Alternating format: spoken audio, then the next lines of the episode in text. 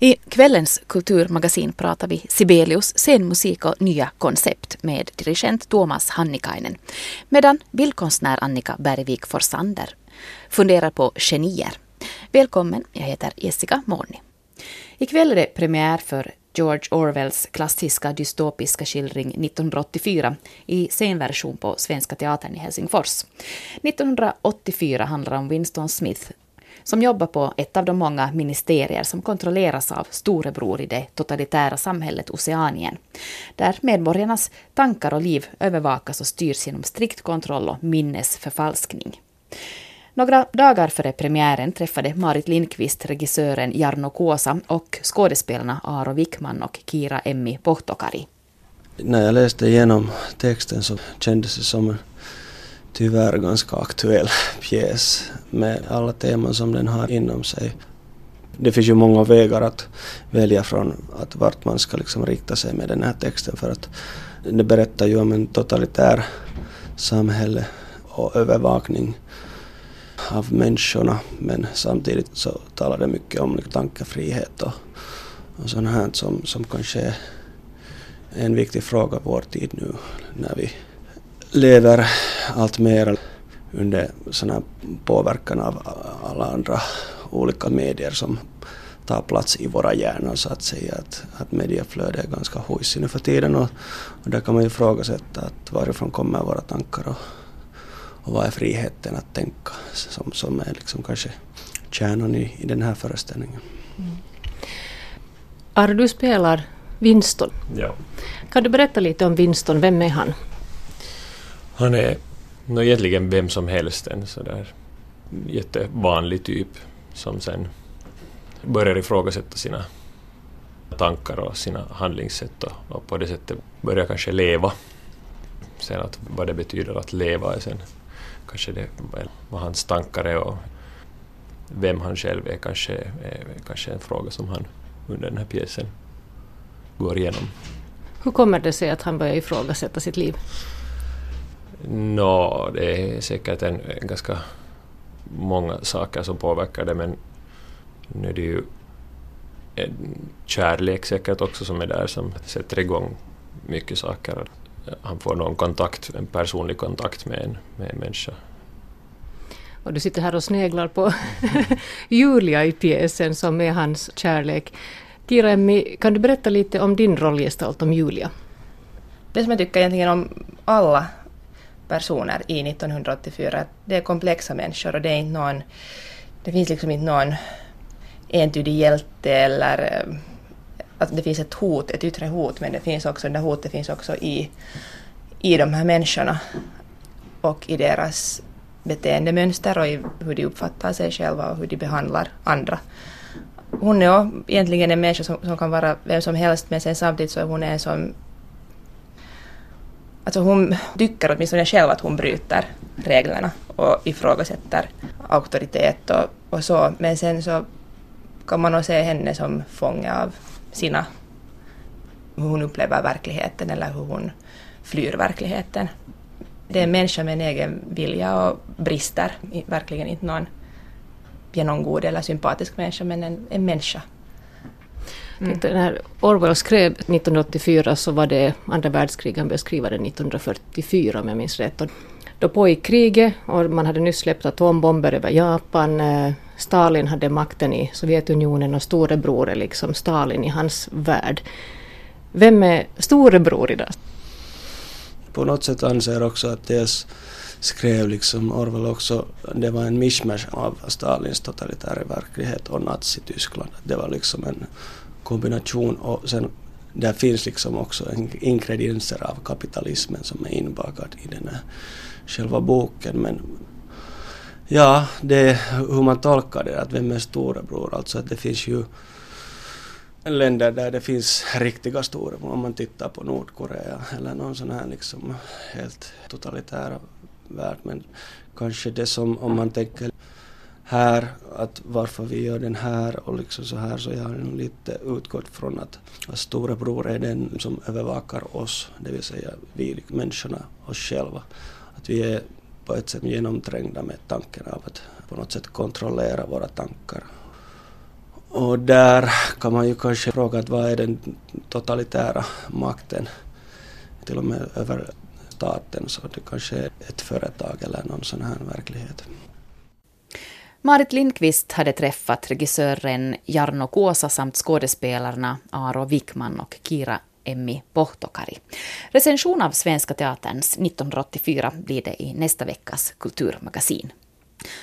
I år har det förflutit 150 år sedan hela tre guldgossar från den finska konstens guldålder föddes, nämligen Jean Sibelius, Akseli Gallen-Kallela och Pekka Halonen. Framförallt Jean Sibelius kommer att firas stort på olika sätt. Det finns rent av en liten risk för övermättnad. Men i bästa fall kanske publiken också får någon ny infallsvinkel på hans konstnärskap. Kristel Pettersson, du har träffat en man som brinner för Sibelius scenmusik. Jo, jag har träffat dirigenten Tuomas Hannikainen som har ett projekt som faktiskt sträcker sig över flera år. Eh, Sibelius skrev 20 verk som på något sätt anknöt till scenen, både större och mindre. Och en del av dem uppförs ju regelbundet fortfarande men inte i den kontext de ursprungligen skrevs för. Och det som intresserar Tuomas Hannikainen är uttryckligen hur man kan uppföra de här verken i ett sceniskt sammanhang som fungerar idag. Jag träffade honom inför hans kommande konsert med Tapiola Sinfonietta på fredag då två av hans nya koncept står på programmet och frågade förstås varför han blev intresserad av just den här aspekten. No, jag har framfört praktiskt taget alla symfoniska verk och också några av dem skenverk. som jag tänker är jätte, jättefina verk men jag har alltid tänkt att det saknas något. Och visst, det saknas scen och det här dramat. Jag har också varit intresserad av, av scen och, och, och teater för 15 år, men det har varit mera som en hobby. Och nu jag har försökt att, att lära lite mera av teatern eh, och eh, regi och andra sidor av scen. Och jag vill försöka kombinera min kapellmästare-erfarenhet med scenerfarenhet, eller med scen och försöka också tänka att hur kunde man idag spela Sibelius skenverk så att de är intressanta och praktiska idag. Eh, problemet är, är att på Sibelius tid man hade sådana konstformer eh, som till exempel melodrama, balettpantomim och man brukade spela i teater, man brukade spela med klassiska orkestrar. Men det har allt försvunnit och det är ganska svårt att, att bygga det på nytt. Så vad som jag försöker göra, att, att lite sån, göra lite sån hur ska man säga, päivitys. uppdatering. Ja, uppdatering hade jag då. Mm. No, hur kan man gå tillväga, Thomas? Du har musiken, du vet hur den har uppförts i vilken kontext och du konstaterar att det där fungerar inte, det här kan man inte göra. Hur, hur går man tillväga? Ett prov på det kan vi uppleva på fredag när Tapiola Sinfonietta uppför Jungfrun i tornet som då var Sibelius enda opera, en kort sån, cirka 40 minuter, och balettpantomimen Scaramouche. Men det blir varken opera eller balettpantomim. Jag måste säga att varje verk har på något sätt eh, ledat mig på olika direktioner. Till exempel opera. Jag tänkte att den här historien, det här dramat är ganska, uh, hur säger man, dålig. Mm. det är det enda ordet. det är ganska dåligt. Men, men själva musiken är, jättedramatisk och, och jag tror att det är helt fantastiskt. Och ganska symfoniskt egentligen. No, sen tog jag bara drama bort. Och så jag skrev den åter för bara symfoniorkester. Så det är en, en slags, någon slags ny symfoni. En dålig text kan helt enkelt förta mycket. Ja, ja det är ganska paradoxalt att utan drama, det är mera, mera drama. Mm, mm. Mera dramatiskt. Det kan vara också. No, en sen Scaramouche då. Där hade vi en balettpantomim. Och den har uppförts för faktiskt inte så länge sedan med, med olika variationer på det här temat, både som en mera abstrakt dans till musiken och som maskteater. Eh, men du har inte valt att gå in på den vägen överhuvudtaget? Jo, jag tror att eh, eftersom jag vill göra den praktiskt. Och balettpantomim, det finns inte mera. Det har, funnits, det har försvunnit länge sedan. Men till exempel varje modern konsertlokal har en eh, utrustning för videoproduktion. Så med orkestern vi visar en videoprojektion som vi har speciellt filmat för Scaramouche. Och då blir det en lite annan historia samtidigt. Jo, absolut. Det är många forskare som har tänkt att Sibelius har vanligtvis väljat texter som är ganska nära hans egen sån livshistoria. Och jag har lite tänkt efter att hur skulle det här Scaramouche historia vara i Sibelius liv? Hur kunde den jämföra dem? Och jag har tagit helt bort den här Skaramushistorien historien men eh, placerat dit en fantasi från Sibelius eget liv. Eh, det här väcker lite nyfikenhet för att Scaramouche är ett slags triangeldrama och eh, det är inte det du har överfört. Men samtidigt så handlar det om, ja, det blir ett drama kring, kring konstnärlig skapande process. Jo, det är så att det är nästan en triangeldrama av uh, Aino, Janne och musik. I den ursprungliga historia där är Scaramouche som en sån magisk fiolspelare. Men här, eh, det, det är musik som är den tredje parti. Vilka friheter tycker du att man kan ta sig? Är det, hur, hur, hur får man tänka på gränserna när man går och förändrar de här så att säga kontexten en aning? Jag tänker att, att med symfoniska verk man måste vara riktigt speciellt noga. Jag har en jättestor respekt för svensk musik överhuvudtaget.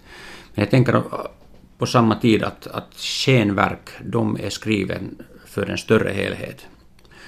Att skenverk, de är lite mer flexibel än, än symfoniska verk på det sättet. Och då är det helt okej alltså att både arrangera en aning, förkorta en aning, du har förtäta. Också Scaramouche nu som kommer på, på Mm. fredag är, Ja. är något förtätad. Och att skapa de här nya kontexterna. Eh, en sak som ju är lite intressant med Sibelius, det är det att musiken ofta lovprisades i samband med uruppförandena, medan då den här textdelen inte riktigt kanske uppskattades lika mycket.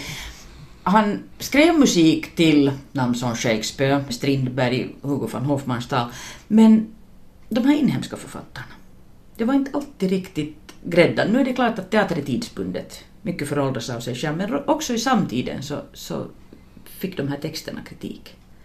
Varför valde han de här samarbetspartnerna? Och det är ganska intressant. Man, man kan tänka att, att på den tid världen var mindre och konstvärlden speciellt. Och det var inte, bara mindre, men det var en helt an, annan tidpunkt. Att man arbetade tillsammans. Det var grupparbete. Så att när man kallar taiteen kulta, kultakausi, det är inte så att man hade bara individer, men att man arbetade tillsammans. Man kunde tänka just att Gallen Gallela till exempel och Sibelius, eller Carlo Bergbom eller Kajanus. De, de arbetade så mycket tillsammans att det blir så otroligt fina resultat. Men också att, att de var mest Sibelius vänner, de som skrev till honom. Men Sibelius var inte kanske jättenoga för att välja. Att när några vänner frågade, han bara tackade och, och försökte skriva. Och tågordningen var väl oftast den att det fanns en beställning och han gjorde det, men alla jobbar för brödfödan på något sätt. Det finns också en Ja. praktisk dimension i det. Absolut, absolut. Han hade ju själv också problem med drama vad jag kan förstå. Alltså många gånger så, så blev det lite bökigt. Scaramouche är ett exempel på det där den där texten inte riktigt någonsin anpassade sig till det arbete som han gjorde och han var väldigt ängslig över att han får sånt som han inte har räknat med. Samma sak med spelet om en var, Jederman. Joo, Sibelius sade någon gång texti on aina minun taakkanani. Texten är alltid min börda. Joo, joo. Men sen på samma tid han sa det att det är min gammal synd. Mm, som han återvände ja, till ja, genom ja, hela ja. sin aktiva tid. han, han kunde inte undvika det Mm, mm. på samma tid. Men, men det var ju ett, ett märkligt eh, klippverk det här på den tiden när man hade levande musik, och det har man fortfarande men inte på samma sätt, levande musik, levande orkestermusik på teatern. Och du hade ett taldrama. Eh, Den där tajmningen var inte alls så där självklar. Sibelius har haft själv jättestora problem med den här. Till exempel med ödlan. Sibelius sa det någon gång att han, har, han aldrig kunde det få tillsammans med texten. När han själv dirigerade. Så att det har varit problem men också det kanske ger lite energi när man försöker använda olika konstformer tillsammans. Mm. Vilka har dina erfarenheter varit när du har försökt få igång olika samarbetsprocesser? Finns det intresse också på teatersidan för dina projekt? Nu måste jag säga att nästan mera på teatersidan än, än musiksidan. Men eh, det beror väldigt mycket vem som har, har det här ansvaret. Till exempel i Björneborg, vi gjorde eh, en projekt med teatern, Björneborgs teater och, och Sinfonietta, Björneborgs Sinfonietta. Och det var riktigt intressant. Och kanske de lite större organisationerna, de, de är lite svårare. Mm, de är tröga. Ja, ja. Nu man tänker mycket ofta som crossover, men eh, det är ganska roligt att på den tiden crossover, det ordet finns inte, men det var, det var bara vardags, det var bara livet på den mm. tiden. Vi hörde dirigenten Tuomas Hannikainen inför konserten med Tapiola Sinfonietta på fredag. Så byter vi ämne. Det är dags för bildkonst. Vad är ett geni och vilken är vår tids uppfattning om så kallade genier? Bildkonstnär Annika Bergvik Forsander är intresserad av människan, av psyket och varför vi blir som vi blir. Men trots att hon är aktuell med en utställning om genier på Tobaksmagasinet i Jakobstad tycker hon inte om att plocka fram enskilda människor som om de skulle vara upphöjda. Jag gjorde ju väldigt mycket eh, teckningar av de där genierna. Och eh, när man jobbar med tusch så måste man ju vara väldigt, jag menar gör du fel så kan du inte ändra på det utan det måste sitta direkt så du måste vara väldigt koncentrerad. Och då var det ju många av de där genierna som ibland inte blev riktigt som jag ville. Och då inte så jag, genialiska? Nej, de blev inte så genialiska. Men jag började helt enkelt att klippa. Så, jag började klippa sönder vissa. Och så, och så tyckte jag, nej men det här var ju jätteintressant. För jag hade jobbat med, med något collage på, ja vem vet när har jag någonsin alls jobbat med collage liksom som professionell. Och, och, jag tyckte det här var väldigt, eh, också en, en väldigt lekfull process att klippa sönder. Jag var liksom helt sådär drastisk. Jag satt inte alls och klippte några fina former utan det var sånt tjopp, tjopp, tjopp. Och ögon och näsor stritta åt alla håll. men, men, det var väldigt eh, intressant att då liksom av de här genierna, fragment av liksom deras porträtt, försöka bygga upp nya människor. Och eh, eh, när jag jobbade med den här serien så mm, jag, jag höll på och läste den här Marcel Proust eh, På spaning efter den tid som flytt. Det tog mig ett år, för den är ju otroligt omfattande. Men då funderade jag kanske också lite på de här karaktärerna, de här huvudkaraktärerna i, i, i den romansviten.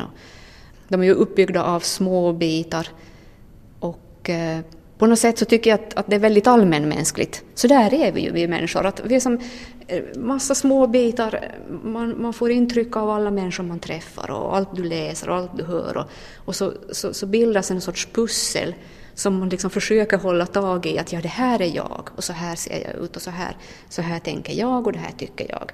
Och så ändras vi liksom hela tiden. Att, att vi är som i ständig rörelse med tiden. Det heter ju Tobaksmagasinet och ett tobaksmagasin är precis vad det var. Det här är Kristina Lundström Björk från Jakobstads museum. Vi har ju fortfarande de vackra byggnaderna från Strängbergs tobaksfabrik, nu i annan användning, men, men det här, den här byggnaden var, var ett magasin, därför ligger den här precis intill järnvägen och det gick en egen bana till tobaksfabriken just härifrån det här magasinet. Men för lite mer än 20 år sedan så fick Jakobstads museum ta över de här fina utrymmena och har nu ungefär 500 kvadratmeter utställningsutrymmen i två öppna salar. Nå, Annika Bergvik Forsander som, som nu öppnar utställning här, vad skulle du säga om hennes utställning? No, det är ju en, en jättefin utställning nutidskonst och dessutom är Annika lokal, vilket jag tycker är bonus. Vi visar gärna konstnärer utifrån. Just i år eller i fjol blir det ju, har vi haft rätt många utifrån. Så det är extra roligt att, att Annika visar sin utställning Genier här hos oss. Det är åtta år sedan hon hade en separat utställning här senast. Så det var på tiden.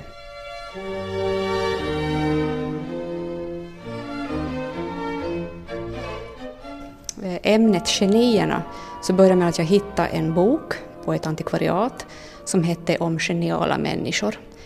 Eh, skriven 33 och ett försök av en psykolog att eh, försöka kategorisera olika typer av genier. Vad är ett geni och vad kännetecknar då till exempel filosofiska genier, militära genier, humorister, realister. Det fanns massor med olika märkliga kategorier.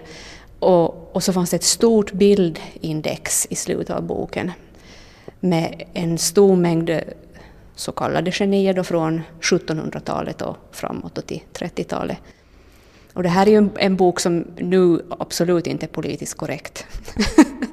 och den, den användes ju sen också kanske av eh, i nazistiska syften liksom för att ytterligare visa på den förädlade formen av vår vita ras. Då. Eh, men att så där som tidsdokument tycker jag att den här är väldigt intressant, den där boken. Och jag ville använda mig av de här bilderna. Jag har inte läst den där boken, för, för den här kategoriseringen är ju ointressant för mig. Utan det var de här bilderna som fascinerade mig och, och jag har uh, använt dem inte som, uh, inte som avbildningar och inte heller som karikatyrer. Utan jag har förvrängt dem lite så man känner inte riktigt igen de här Även om här finns till exempel Kierkegaard och Darwin och, och Descartes och olika eh, väldigt kända genier. Så eh, merparten av de här genierna i boken var för mig helt okända. Sådana som helt har fallit i glömska. De har haft sin storhetstid men, men tidens gång har gjort att de, de nu är liksom helt glömda. Eh, så jag gjorde ett jättestort antal teckningar och sen så började jag liksom foga ihop de här till stora collage. Eh, och eh, jag har också skrivit texter. Så det är som nonsenstexter som låter väldigt filosofiska och, och lite intellektuella. Det kan, ibland kan det vara någonting kring religion, det kan vara någonting kring helt alldagliga saker. Eh, lite så här som när man, ens egen tankar, mum, tankmummel kan man säga, tankemummel, mm. eh, som, som liksom bara kommer. Tankarna hoppar fritt fram hit och dit och, och, och det blir som ett myller av tankar. Men, men det här binder liksom ihop de här porträtten då till, i de här collagen. Mm. Så jag har också klippt sönder texterna så att de, de, de, de bildar ingen, ingen, inget svar eller något sånt. Utan jag, jag, vill ju inte, jag har absolut inte hittat något svar vad ett geni är genom det här projektet. Men jag är intresserad av människans psyke och, och liksom vår plats i tiden. Förändras människan, människans psyke eller är vi fortfarande som vi var liksom för 100 år sedan, 200 år sedan? Och, och liksom hur vi kategoriseras och man plockas in i olika fack. Och, eh, jag tycker det är väldigt spännande det där. En sak som slår mig, det är bara män. Ja, det, det, det, är ju en intressant fråga men det, det är ju ett, fakta, ett faktum att eh, vår historieskrivning ser ju ut som den gör.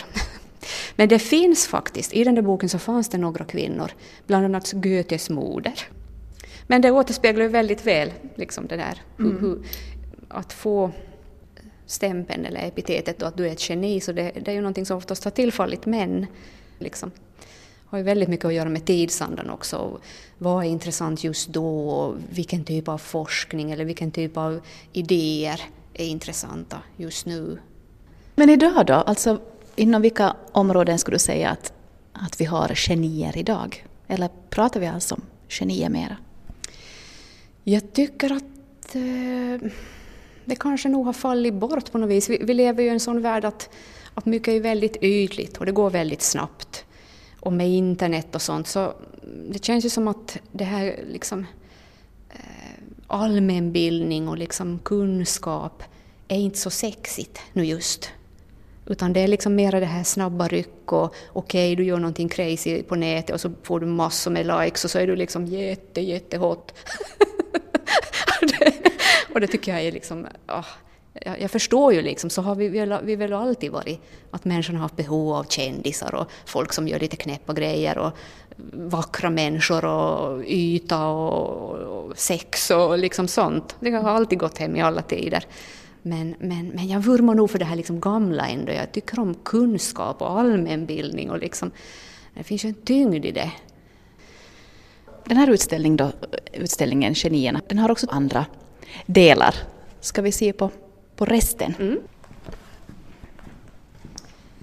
Det här är då en, en serie med väldigt stora arbeten som, som kallas solteckningar. Och eh, det här började med att jag var i min ateljé och det var mars och vårsolen, den starka vårsolen kom in genom fönstren och jag blev så irriterad. Och det störde mig och det liksom kom en massa konstiga fläckar och, och sånt. Eh, och, och, ja, det var så irriterande. Så då köpte jag persienner och monterade upp dem och var så glad och nöjd. Men det kom ju fortfarande in den där solen och jag, liksom, beroende på hur, hur persiennerna var vikta och sådär. Så tänkte jag, nej men nu ska jag utnyttja det här till någonting. Och, och, och så började jag liksom helt konkret dokumentera solen och liksom solfläckar, olika former som solen, alltså solljuset då gjorde på väggar och golv i min ateljé. Och eh, allting, de här är ju helt svartvita de här arbetena och allting som är svart så är då solljus. Och då, då kan jag ibland ha tagit fasta till exempel på en, eh, en linje eller någonting som har kommit genom Eh, persiennen mm. och så har jag följt med den i tiden så att, att jag har först eh, målat av den eller tecknat av den och så har jag väntat en liten stund så har den rört sig så jag tecknar av den igen så jag väntar en liten stund så jag tecknar av den igen. Och, och det har blivit liksom helt otroliga kompositioner. Och jag har varit jättestrikt så att jag, att jag gav liksom mig själv tre dagars tid per, per målning. Uh, och uh, jag fick bara använda svart för att dokumentera. Och eh, sen var det väldigt beroende på vädret. Att var det solljus eller var det mycket moln? Eh, vilken tid hade jag möjlighet att vara i ateljén? Att, att olika såna praktiska saker så, så gjorde också att kompositionerna blev väldigt olika. Så att de här dukorna har helt enkelt bara stått upp emot väggen och så har jag bara dokumenterat vartefter. Även om, om det var en strikt metod och väldigt kontrollerad på ett sätt så blev den ändå på något vis som en lek. Och, och följa det här solljuset och också liksom bli medveten om hur snabbt det gick. Att ibland fick man knappt liksom färg på penseln så hade den där sol, solfläcken flyttat sig genast. Så det var liksom, man blev som så medveten och som så fokuserad av åh, jag är här och nu och, och liksom solen rör sig och, och, och tiden går. En kvasivetenskap kallar Annika Bergvik Forsander sin dokumentation av solens rörelser och på så sätt anknyter de här verken till bilderna på genierna Utställningen visas på Tobaksmagasinet i Jakobstad till 1 februari. Till sist här i Kulturmagasinet kan vi konstatera att revysäsongen har kört igång. Enbart i Österbotten spelas omkring dussinet revyer. I lördags var jag på Pörtom UFs premiär på 120-åringen som gick till banken som försvann. Titeln, ja den anspelar på Jonas Jonassons hundraåringen som klev ut genom fönstret och försvann, men också på att Pörtom UF i år firar 120-årsjubileum och att banken i byn stängdes förra året. I dagens samhälle ska allt drivas med vinst, skriver Pörtom-revyns regissör, skådespelare och starke man Sören Storbäck. Men, fortsätter Sören i programbladet, en ideell förening kliver inte bara ut genom fönstret och försvinner, den finns kvar i en eller annan form, för den grundar sig på en annan form av kapital, nämligen socialt kapital. Idag har många revyer tagit steget från det lokala till det nationella och det internationella i sin samhällsanalys. Teman som höjd pensionsålder, Putin och internetmobbning hörde till det som Pörtoms revygäng grunnat på. Ibland hittas en koppling mellan det lokala och det internationella, som det att resebyrån med Närpesanknytning nyligen bytt namn till IS Travel. Vi undrar om möjligen skulle ha tagit sista minuten resor. Eh, utflykt till pyramiderna och Tutankhamons gravkammare och sista kvällen blir hotellet utsatt för ett terrorattentat. Att revytraditionen lever visar bland annat Pörtom-revyn som de senaste åren ökat sina publiksiffror från 1000 till 3000 personer. Och i denna positiva anda avslutar vi kvällens kulturmagasin. Vi hörs om en vecka.